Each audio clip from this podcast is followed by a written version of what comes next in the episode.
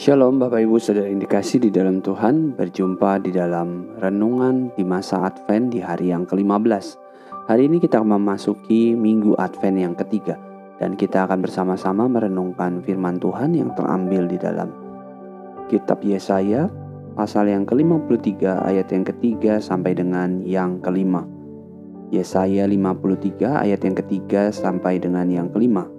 Demikianlah firman Tuhan ia dihina dan dihindari orang, seorang yang penuh kesengsaraan dan yang biasa menderita kesakitan. Ia sangat dihina, sehingga orang menutup mukanya terhadap dia, dan bagi kita pun ia tidak masuk hitungan.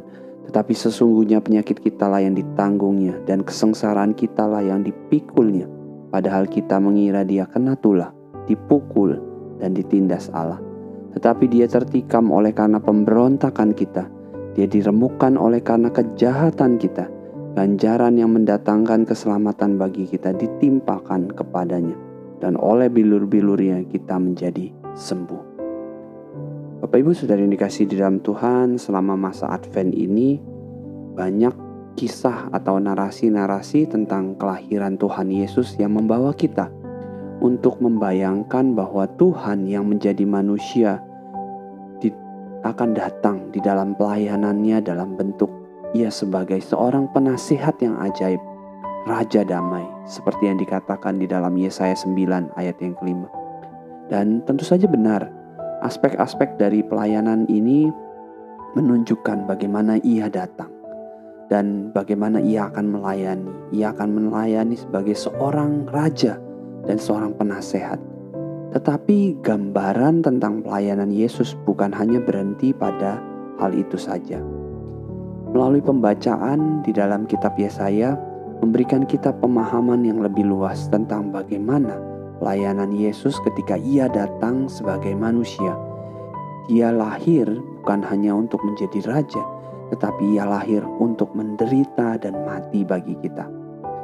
Jalan Yesus menuju kemuliaan tidaklah mudah, Bapak Ibu Alih-alih diterima oleh dunia, ia malah dihina, dihindari, ditinggalkan, disiksa, dan dibunuh. Begitulah gambaran di dalam kitab Yesaya menggambarkan pelayanan dari Yesus.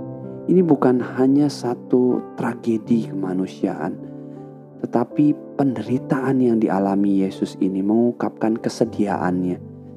Menjad, bukan hanya menjadi imam besar, melainkan juga sebagai anak domba korban sembelihan. Kenyataan yang lebih luas yang mendalam ini memberikan kita pemahaman bahwa Yesus datang untuk menderita, mati, disiksa bagi setiap kita. Dalam inkarnasi Yesus, Allah yang menjadi manusia, Ia menjelmakan dirinya, mengidentifikasikan dirinya dalam bentuk penderitaan yang kita alami juga. Jadi, makna dari penderitaan yang dialami oleh Tuhan Yesus ini memberikan kita kenyataan bahwa tidak ada satupun penderitaan manusia yang kita alami melampaui dari pemahamannya. Ia datang, ia juga menderita. Ia juga mengalami penderitaan seperti yang kita alami di dunia ini. Jadi ketika kita mengalami penderitaan, tidak ada satu hal pun pengalaman penderitaan yang terberat bagi kita, yang melampaui dari pemahaman yang Yesus alami, karena Ia juga menderita sama seperti kita. Tetapi pemahaman atau pemberitaan yang Yesaya berikan tentang kisah Yesus yang akan datang tidak berakhir pada penderitaan dan kematiannya. Penderitaan adalah sarana yang harus ia lalui untuk mencapai kemenangannya. Dan kemenangannya akan membawa kita untuk menembus setiap kita dari dosa-dosa dan membawa kita untuk mengalami kesembuhan, mengalami keselamatan yang sejati. Biarlah pemahaman ini membawa kita untuk satu perenungan yang indah tentang makna dari masa Advent ini. Bukan hanya kita merenungkan kedatangan Yesus, Allah yang menjadi manusia sebagai seorang raja damai yang memberikan kita pengharapan. Tapi ia juga datang untuk menderita, mati bagi kita, menyelamatkan kita. yang oleh karena bilur-bilurnya ia menyelamatkan kita. Mari kita berdoa.